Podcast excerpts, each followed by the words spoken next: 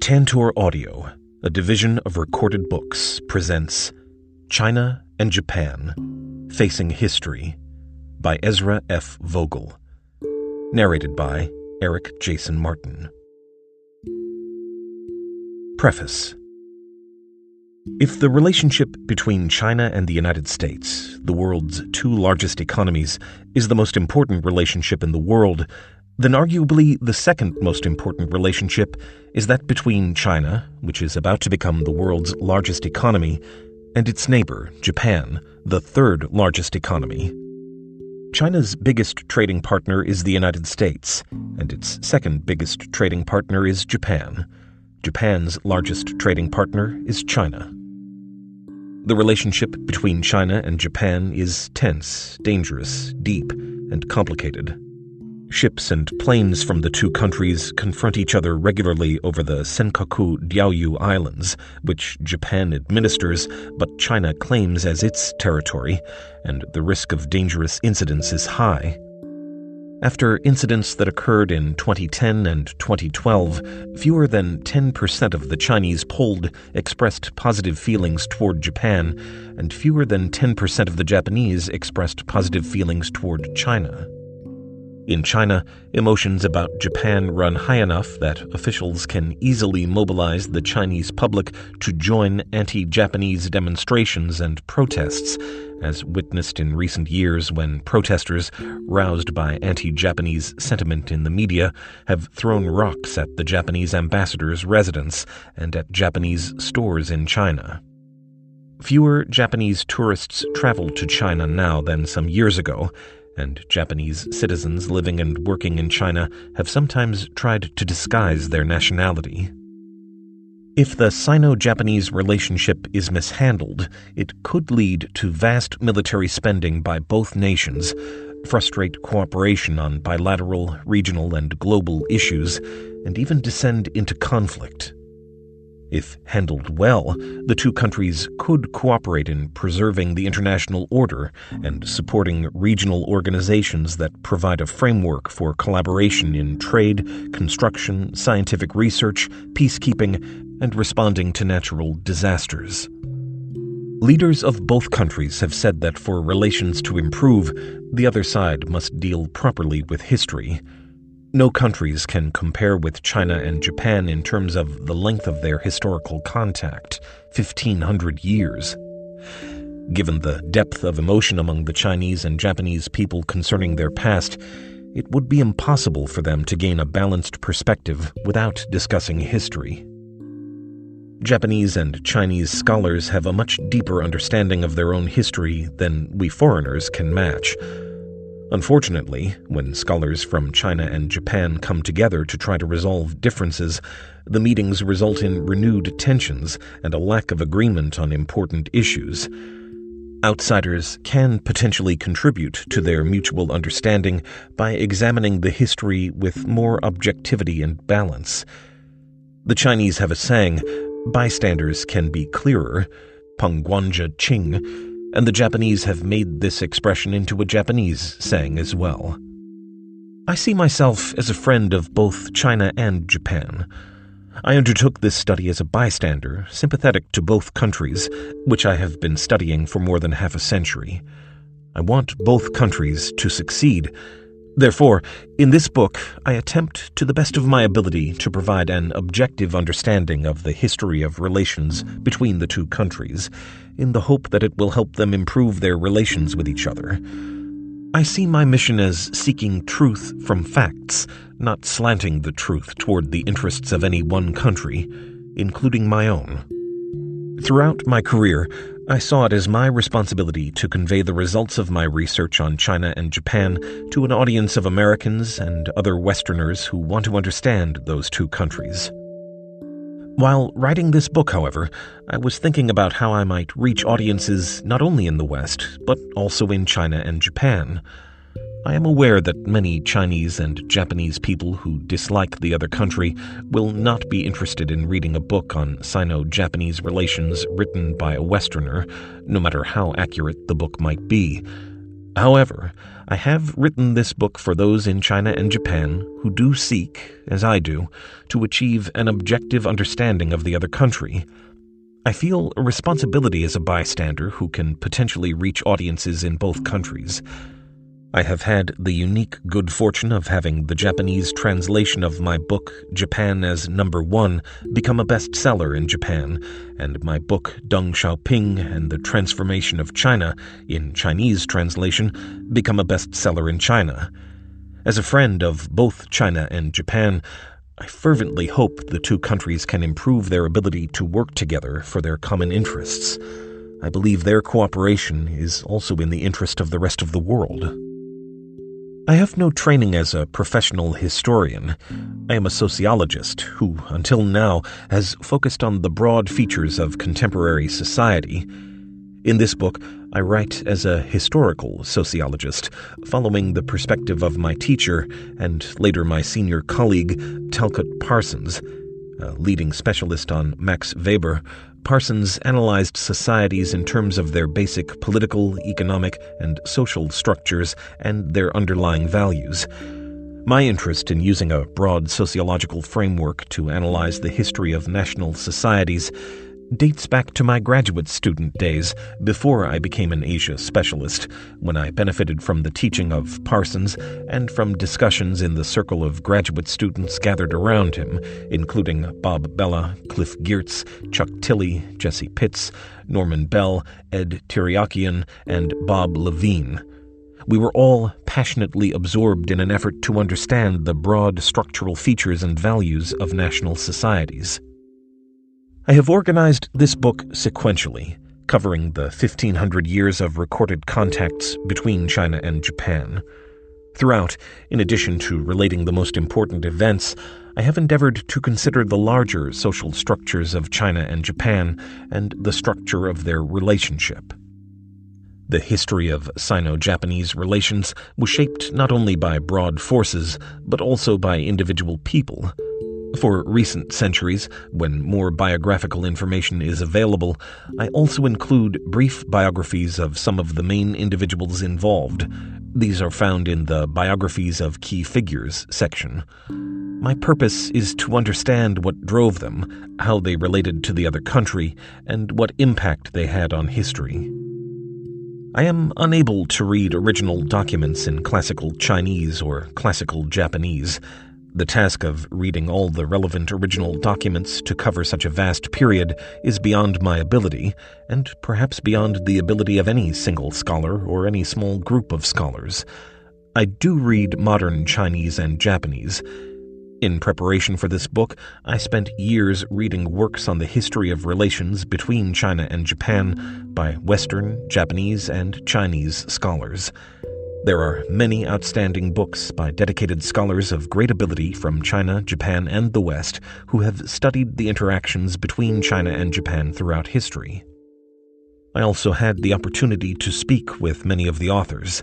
I am deeply indebted to all of the scholars who made it possible for me to attempt to write this historical overview. To make this book accessible to general listeners, I have minimized the use of notes. I have also simplified transliterations. I do not use macrons in Japanese terms, but for scholars seeking to use the sources, I use them in the notes. For Chinese names, I use the most widely accepted transliterations for the names of familiar figures, such as Chiang Kai shek, Chiang Ching-kuo, and Sun Yat sen. Otherwise, I use pinyin, following the current mainland usage. For Chinese cities, I use their current names throughout, with one exception. I refer to Beijing, the northern capital, as Beiping when it was not the capital, to make it clear when it was and when it was not the capital city. I use the name Guangzhou even in the era when it was known as Canton, and I use Shenyang rather than Mukden, the city's Manchu name, Hoten, its Japanese name, or Fengtian. I present Chinese and Japanese personal names in their original order, surnames first.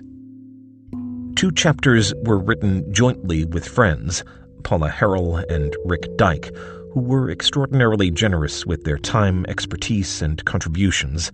Harrell, who studies late 19th and early 20th century Sino Japanese relations using both Chinese and Japanese sources, has written outstanding books on exchanges between China and Japan after the Sino Japanese War of 1894 to 1895. Dyck, who received his PhD from Harvard, has spent more than four decades living in Japan, where he is an exceptional scholar as well as a successful businessman. In this book, I pay special attention to the three periods when one country was engaged in deep learning from the other from 600 to 838, when Japan was learning the basics of Chinese civilization, and two later periods, 1895 to 1937 and 1972 to 1992, when China was learning from Japan. I have arranged the chapters chronologically, with the exception of chapters 5 through 7, which address different aspects of the period from 1895 and 1937, when important developments China's learning from Japan, Japanese colonialism, and the politics that led to war were so diverse that I chose to cover them in three separate chapters. Since my goal is to understand contemporary East Asia, I have written about the past 200 years in more detail than earlier centuries. Chapters 1 and 2, however, trace the relations between the two countries across more than 1,200 years, from 600 to 1862. In those initial chapters, I have tried to provide an overview while also focusing on issues that are particularly crucial for understanding current Sino Japanese relations. Chapter 1 Chinese contributions to Japanese civilization, 600 to 838. After Empress Suiko, at age 39, became sovereign of the Yamato clan in Japan in 593, to expand her control over a broader geographical area, she sought to import features of the more advanced Chinese civilization that had enabled China's leaders to govern far larger areas than those that she controlled. In 589, four years before Empress Suiko rose to power, Emperor Wen Di of China had united a substantial part of China for the first time in several centuries and had established the Sui dynasty. To maintain peaceful relations beyond the borders that he governed, Emperor Wen Di revived the practice of meeting with representatives of foreign groups and spreading Buddhism in territories that were part of what are today Korea and Japan. The Yamato clan sent its first mission to China in 600, and it continued studying and learning from China until 838, when it sent its last diplomatic mission. Japan's missions to China began because of the fortuitous timing and complementary perspectives of these two leaders, Empress Suiko, who sought to learn from China, and Emperor Wen Di, who welcomed the establishment of formal relations with territories that later would become part of Japan. During this period, the Japanese mastered a written language, Chinese characters, that allowed officials to communicate over a broader geographical distance and to provide greater consistency in contacts among the highest officials in the capital and officials who served elsewhere. Japan developed standardized rules to clarify what local officials were expected to do, and a specialized administrative staff to manage a larger and more complex organization. The Japanese learned how to write histories of former rulers to support the legitimacy of the current ones. They also learned about Buddhism and strengthened the legitimacy of their rulers by linking them with the natural order. They learned how to plan large communities in a systematic way and how to build large Buddhist temples. Furthermore, they imported Confucianism, which reinforced the importance of the loyalty of the subjects to their leaders and emphasized the rules of propriety to maintain a stable organization. They developed new art techniques and poetry styles after studying Chinese culture, and they imported musical instruments. Of course, the Japanese adapted all that they learned to their own needs and tastes. The Chinese were receptive to teaching others about their civilization, for they were fully confident of their superiority, both culturally and militarily, and they had no fear that ethnic groups outside China's borders might overtake them. Teaching other ethnic groups about their civilization was indeed a conscious part of China's political strategy. The structure of Yamato that Empress Suiko had inherited was essentially a federation of clans, with one being first among others. Empress Suiko's mother was a member of the Soga clan, Uji, which was attempting to provide overall leadership for the Yamato administration by controlling an unwieldy group of some 30 other clans, each of which had acquired official recognition in the form of a title, Kabane, awarded by the leader of the dominant clan at the time.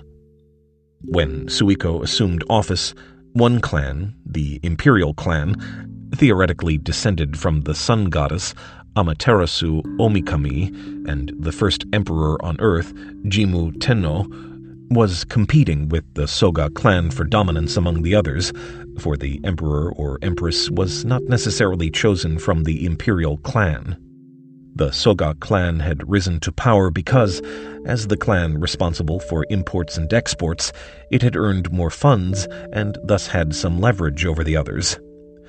Other clans had received their titles because they had been able to supply one or more wives to the imperial males, thus making them in-laws of the imperial clan.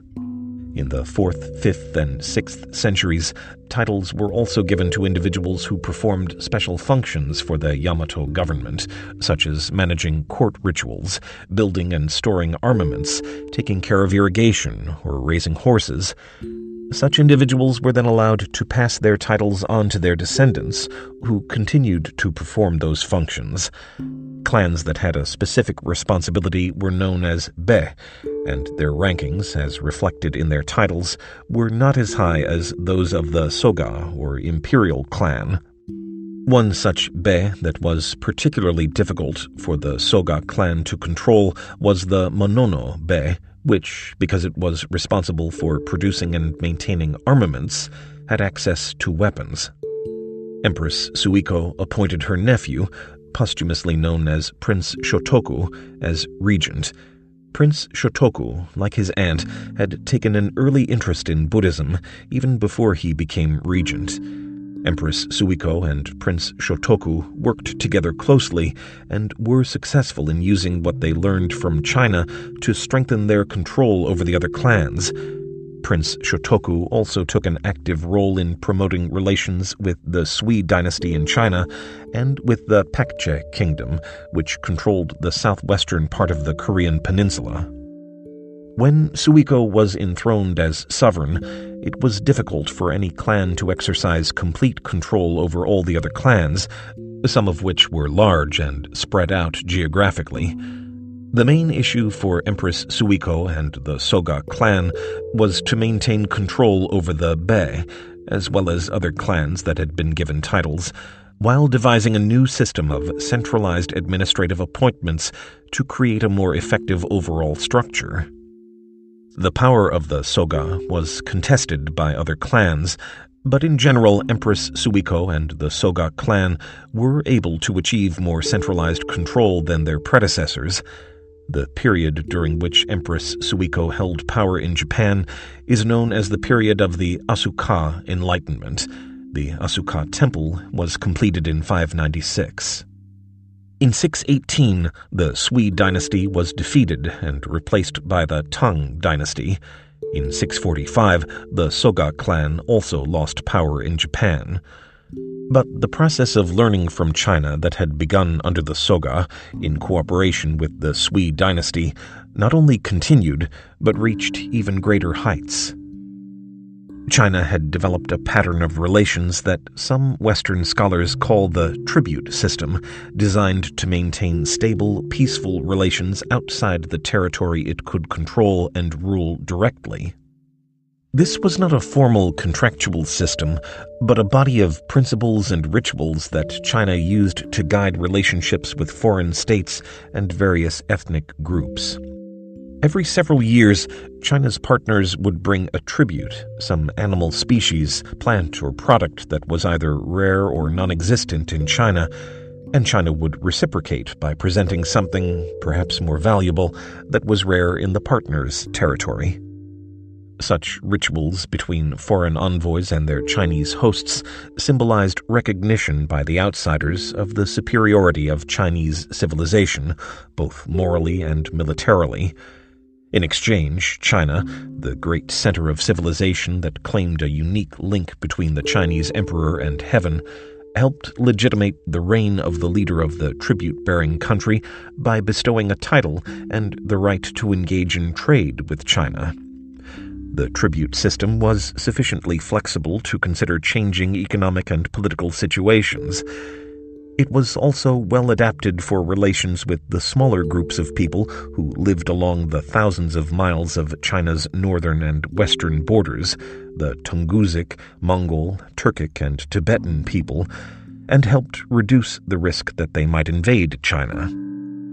However, the larger nations along the periphery, notably Korea, Vietnam, and especially Japan, after absorbing Chinese culture in the 7th and 8th centuries, sometimes expressed resistance to accepting the superiority of Chinese civilization.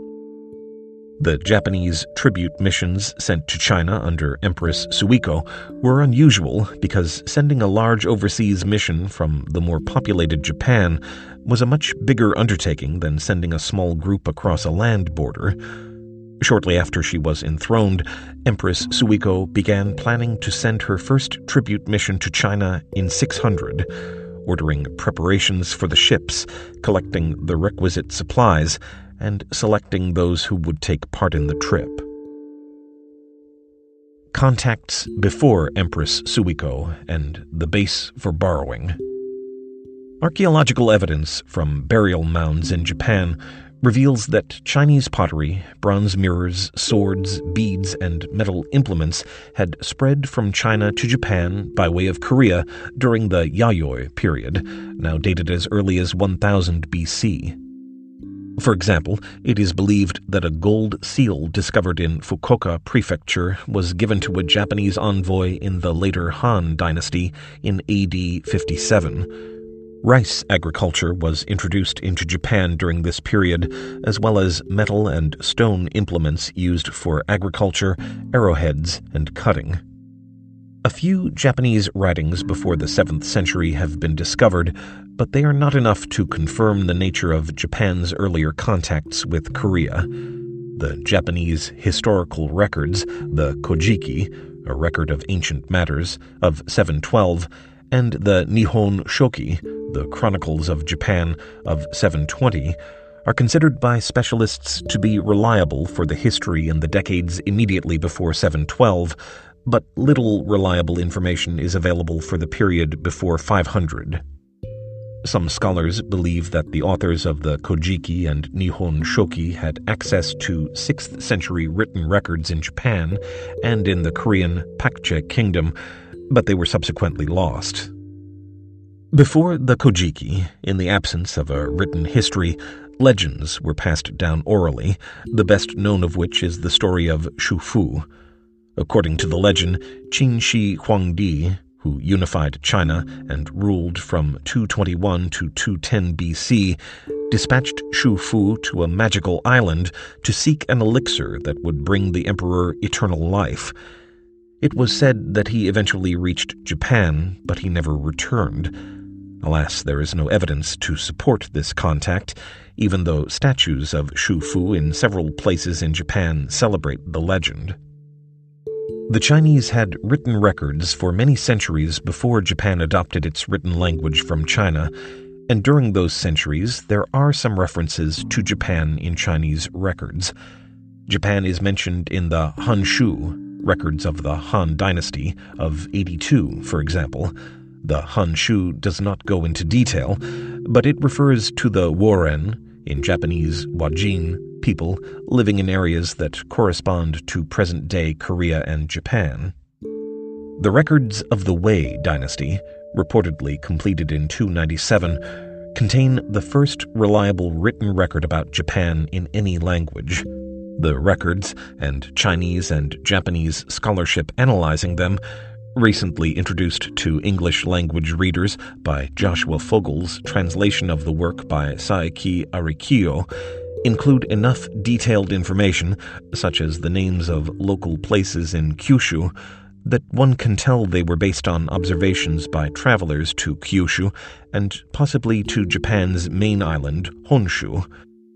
The records describe a visit by representatives of the Wei dynasty who brought gifts to Empress Himiko, circa 170 to 248, and missions sent by Empress Himiko bringing tribute to the Wei ruler in 238 when the Wei granted her the title of Ruler of the Wa, and she was friendly to the Wei.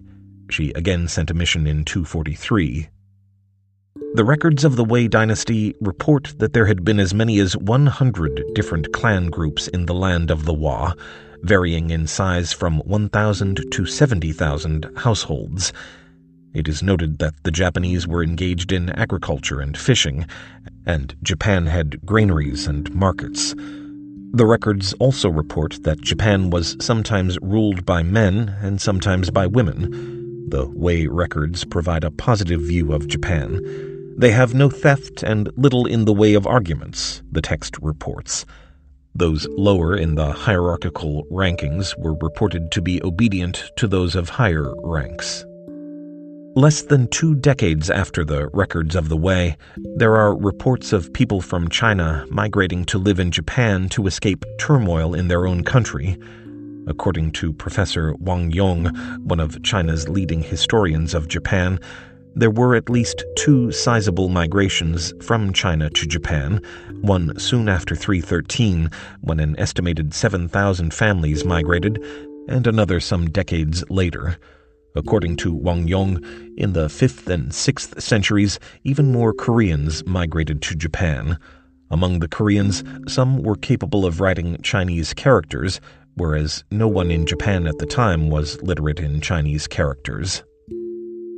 Valuables that may have come from China have been found in the 3rd century tombs of some Japanese leaders.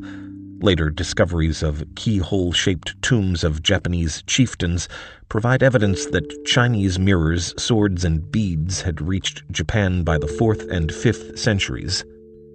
Japan sent a mission to China in 478, but there is little information about what the envoys learned, and there is no evidence of formal contacts thereafter until the very last years of the 6th century, when the Sui dynasty rose to power.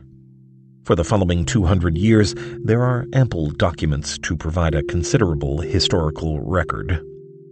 In the three centuries before Suiko of the Soga clan came to power, Japan had made some advances that provided a base for the effort to learn from China that Empress Suiko began in 600. Some Japanese people had moved from the southern island of Kyushu to the fertile area on the main island of Honshu around Nara, which supported wet rice agriculture. Other people in this area had learned how to make pottery and were using bronze and iron implements that had been brought to Japan from Korea. Horses had been introduced by the 6th century, allowing Japanese officials to cover long distances relatively quickly and although they had not yet mastered a written language, some clans had come together in an administrative structure under the Yamato. The people living in the area around Nara, like people elsewhere in Japan, expressed respect for certain awe inspiring natural sights, such as mountain peaks, cliffs, waterfalls, large trees, and rocks, by marking them with special signs. The practice of paying respect to these sites for their kami, the spiritual force they contained, opened the Japanese to learning about Buddhism, a religion that taught broad respect for spiritual forces. Some sources state that the Korean kingdom of Paekche began sending missions to Japan as early as 538 to promote the spread of Buddhism. Among the Koreans sent to Japan were specialists in monastic meditation, incantations, and architecture. Empress Suiko played a key role in Japan by introducing Buddhism and learning from China. Her nephew, Shotoku, is reported to have believed that Buddhism encouraged respect for social order and could restrain challenges to the political hierarchy As soon as he took office, Shotoku lent his support to the introduction and expansion of Buddhism. Many of the advances in the area of Nara came from the Korean immigrants to Japan. At its closest point, Japan was separated from China by some 500 miles, but Korea was adjacent to China. Therefore, Koreans, being closer geographically with China, had incorporated elements of Chinese civilization that had not yet reached Japan. Kyushu, in turn, was less than 120 miles from Pusan in Korea, so the Japanese more easily learned elements of Chinese culture through the Koreans. At the time, the Korean peninsula was divided into three kingdoms Goguryeo in the north, Paekche, with which Japan had the closest relations in the southwest, and Silla in the southeast.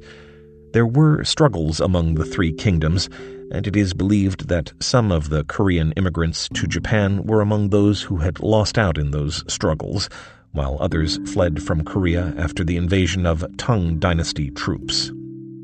Some scholars are convinced that the Soga clan, which in 600 decided to send tribute missions to China, may have had Korean members. Regardless, the presence in Japan of Koreans, who were more familiar with developments in China, certainly played a role in Japan's decision to send missions to China. How Japan learned from China after 600. In 600, under Empress Suiko and Prince Shotoku, Japan sent its first mission to China since 478, and other missions followed quickly thereafter in 607, 608, and 614. The missions in 607 and 608 included tens of Buddhist monks who were to remain in Chang'an, Xi'an, to advance their study of Buddhism in order to bring it back to Japan. The Tang dynasty was established in 618 after defeating the Sui, but the Japanese monks remained in Chang'an and continued their studies. One monk, Somin, returned to Japan in 632 Another monk, Iun, remained in China until 639. Back in Japan, these monks played not only a religious role, but also a broader role as intellectuals and advisors to Japan's political leaders. Somin and Iun provided information about many aspects of Chinese culture and institutions, assisting the leaders who were beginning to transform Japan. The missions to Chang'an, which continued after 618, came to be known in Japan as Kentoshi, envoys sent to the Tang. Chang'an was then a cosmopolitan city with an estimated population of more than one million. It attracted Koreans, Central Asians, and Middle Easterners, as well as Chinese. The nearby Yellow River was far larger than any river in Japan, and the plains around Chang'an were far broader than any in Japan, thus permitting a larger population and a larger scale of agricultural production than any that existed in Japan. The Sui and Tang dynasties thereby had achieved an organizational complexity that was far beyond what Japan knew at the time. Prince Shotoku endeavored to establish a system that would break up the power of the clans. In 604, he inaugurated the 12 cap system, sometimes also referred to as the cap and rank system, a system for selecting officials regardless of the rank of their clan. He appointed officials as individuals and then assigned the individual a rank. Following the Chinese pattern, he gave the person a cap the color and shape of which conveyed the person's rank. In addition, Prince Shotoku introduced population registers that could be used to collect taxes and recruit men for labor projects and military service. He also brought priests into the governmental structure.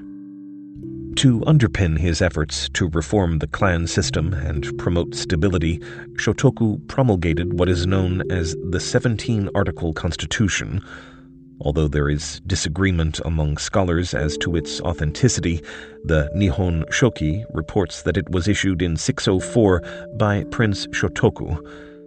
Not as detailed as a modern constitution, it was a preliminary set of guidelines drawn from the early lessons learned from China, and it reflected the efforts by Empress Suiko and Prince Shotoku to centralize authority and to weaken the power of the clans. Officials were not to assume their positions by birth, rather, they were to be appointed by the emperor. Land that had formerly belonged to the clans could be transferred by central officials, and land could be owned independently of the clans. At the time, Confucianism had not yet been introduced in an organized fashion. Nevertheless, Confucian concepts of morality and respect for officials, already introduced by Koreans, were incorporated in the Constitution. People were to seek harmony, Officials were to follow the directions of the ruler, and children were to follow the directions of their parents. Rules of propriety were established to govern relations among officials of different ranks. The Imperial Academy, with a heavy Confucian content designed to prepare young people for official examinations, would not be introduced until late in the 7th century. Prince Shotoku arranged for a small number of Chinese and Korean individuals to serve as advisors in Japan. The Paekche kingdom, following the example of China, had already introduced a bureaucratic system in Korea with six government departments. Empress Suiko, and after her death in 628, her successor, Emperor Jomei, did not go so far as to establish a bureaucratic structure, However, Emperor Jomei did introduce ceremonial protocols for welcoming foreign visitors that followed the examples of China and Paekche. Also, with the help of craftsmen from Paekche, Japan began the construction of monasteries and temples that symbolized the centralization of power. Empress Suiko and Prince Shotoku wanted Japan to be treated with respect by China. At the time, Chinese officials believed that only the Chinese emperor should be called the Child of Heaven, in Chinese Tianzi, Japanese Tenshi, and that the top leader of Japan or any other tribute bearing group could only be considered a Wang, king, a position not as high as the Child of Heaven. In 607, Empress Suiko signed a memorial passed on to Chinese Emperor Yang Di by her envoy that read, The Child of Heaven in the land where the sun rises addresses the Child of Heaven in the land where the sun sets. The Chinese emperor was displeased with Empress Suiko for presuming to address him as an equal, and is reported to have said to a subordinate, If memorials from barbarian states are written by persons who lack propriety, do not accept them. Japanese representatives, however, concerned that their country should receive proper respect, began referring to their country not as the land of Wa, but as Nihon, which in Japanese literally means the origin of the sun. As in Chinese cosmology, in Japan, the emperor came to be seen as part of the natural order linked to heaven. There is disagreement as to exactly when this change in Japanese cosmology took place. While Suiko reigned, she was referred to as the Okimi, Great King, and sometime after her reign, the Japanese began to refer to her as Tenno, Emperor or Heavenly Lord. The first character of the Japanese word for emperor, ten, heaven, is the same character as tian, heaven in Chinese, used in reference to the Chinese emperor, Tianzi. For the Japanese, the term tenno indicated equality with the Chinese emperor, and within Japan, it also elevated the emperor above the clan members who served the emperor. Officials under the Japanese emperor were thereafter known as vassals. The Taika Reforms In 645, after an internal struggle within the Yamato, the Soga clan lost power to the imperial clan, and Emperor Kotoku of the imperial clan came to power. Emperor Kotoku, like the Soga clan leaders before him, wanted to centralize power, but he had the advantage of being able to draw on a greater number of monks by this time who had returned from China, and on the comprehensive legal codes that by then had been developed during the Tang dynasty. Soon after coming to power, Emperor Kotoku undertook the Taika, Great Change, reforms of 645. Modeled after changes made in China during the Tang dynasty, they went much further than changes made by the Soga to weaken the clans and to establish central administrative control.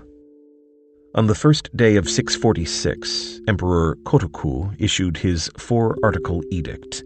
Some Japanese scholars have compared the role of these four articles in laying out the aims of the new administration with the five article charter oath issued when Emperor Meiji came to power in 1868.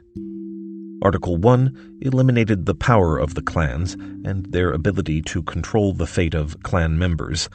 Article 2 provided for the reorganization of geographical areas that, rather than the clans, would be the local administrative units responsible to the central leadership. The capital was divided into four districts, and the boundaries of more distant regions, to be under direct central control, were delineated Article 3 provided for the rationalization of household registration for purposes of taxation, labor contributions, and military service. Article 4 outlined the taxes that were to be assessed and the salaries that were to be set for administrative officials. The new administrative structure was extended to most of the main island of Honshu, in addition to Kyushu and Shikoku, and the prefecture system, then called kuni, with the subdivision of the prefectures into countries, gun, was made more explicit. With this new reform, following the Chinese model, Japan ended the capacity of the clans to dominate the government and established an administrative state covering a broader geographical area. Although the power of the clans had basically ended, Japan did not go as far as China in terms of abolishing the importance of inheritance.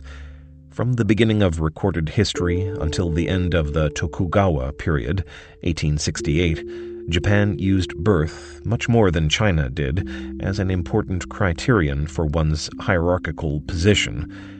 And Japan did not rely as much as China on examinations to select its officials.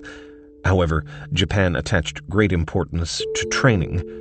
The new leadership under Emperor Kotoku devised a program for sending many more young officials to China for training than the Soga leadership had.